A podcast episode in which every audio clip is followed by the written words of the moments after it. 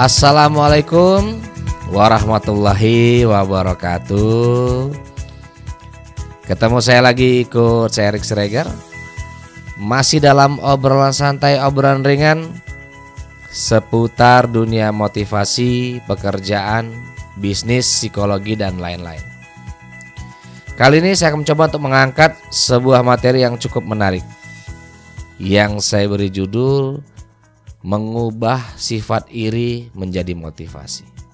Saya ulangi, mengubah sifat iri menjadi motivasi. Nah, ini menarik sekali ya. ada hubungannya iri, kemudian ada hubungannya dengan motivasi. Kira-kira ada hubungannya nggak ya?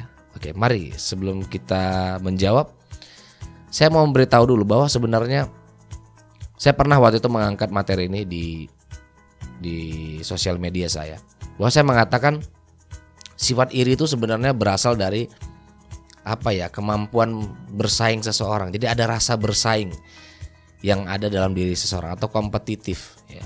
Jadi pada dasarnya manusia itu uh, apa ya punya kompetisi di dalam kehidupannya. Contoh paling gampang begini.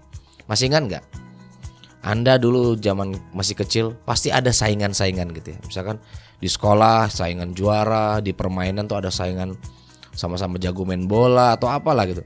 Nah, ada rasa ingin mengalahkan gitu, ada rasa ingin mengalahkan saingan kita.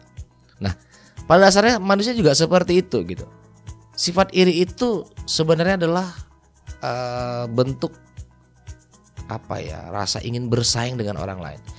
Cuma karena rasa iri itu dibalut dengan sesuatu yang negatif atau e, hawa nafsu yang begitu besar. Sehingga iri itu lebih banyak arahnya kepada hal-hal yang negatif. Yaitu berusaha menjatuhkan orang dengan cara-cara yang mohon maaf ya kurang kurang terpuji lah bahkan mengarah hal-hal yang negatif. Semisal memfitnah atau menjatuhkan orang dengan cara-cara yang nggak baik gitu itu sebenarnya karena bentuk orang tersebut nggak terima gitu kalau orang lain lebih dari dirinya. Sebenarnya kan sifat iri itu kan seperti itu. Misalkan Anda ngelihat teman Anda punya prestasi, tapi Anda nggak mampu. Anda berusaha bagaimana caranya menjatuhkan orang tersebut. Nah itu sebenarnya karena Anda merasa ada kompetisi di dalam diri. Nah lalu apa hubungannya kok uh, sifat iri ini dengan motivasi? Iya sebenarnya gini, Anda tahu kalau di dalam diri Anda itu ada sesuatu yang anda inginkan. Misalkan Anda melihat orang lain maju. Anda ingin maju sebenarnya. Cuma karena Anda nggak merasa nggak mampu sehingga sifat iri itu yang keluar. Harusnya kan tidak seperti itu. Misalkan gini Anda bisa ubah sifat iri Anda tadi yaitu menjadi sifat motivasi. Misalkan begini melihat orang e, berprestasi Anda katakan aku juga bisa. Nah melihat orang sukses Anda juga harus mengatakan aku juga bisa Nah, ketika Anda mengatakan aku juga bisa, Anda mau belajar. Anda mau menggali gitu.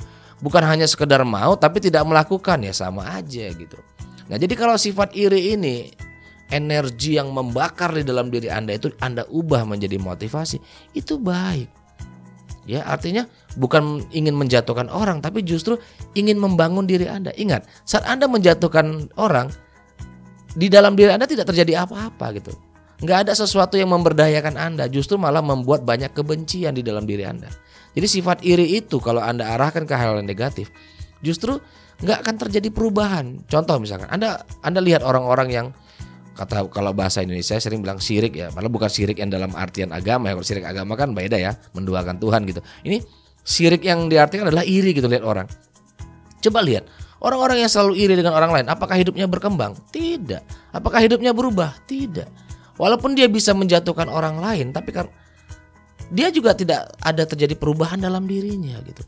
Jadi sebenarnya ketika Anda menanamkan sifat iri, itu tidak mengubah diri Anda sama sekali terkecuali bahwa iri itu adalah sebagai bentuk motivasi bahwa Anda punya kemampuan, Anda bisa melakukan sesuatu yang membuat diri Anda lebih lebih berkembang atau bisa mencapai hal-hal yang Anda inginkan. Nah, maka dari itu ubah energi negatif tersebut menjadi energi yang positif. Misalkan Anda besok, mulai besok ya Anda melihat orang lain sukses. Anda harus katakan dalam diri Anda, aku juga pantas sukses. Nah, setelah Anda mengatakan, ya Anda berubah. Karena kalau Anda tidak berubah ya sama aja. Anda hanya sekedar mengatakan ingin berubah, tapi Anda tidak melakukan sesuatu. Oke? Mungkin cukup obrolan singkat kita kali ini. Ya, mudah-mudahan bermanfaat. Nah, bagi Anda yang sudah mendengarkan, silakan share, bagikan kepada orang-orang yang membutuhkan. Saya yakin di luar sana masih banyak orang yang menempatkan energi iri ini secara berlebihan ke arah yang negatif. Maka dari itu harus diubah dari sekarang. Anda tidak perlu iri dengan kehidupan orang lain. Kenapa?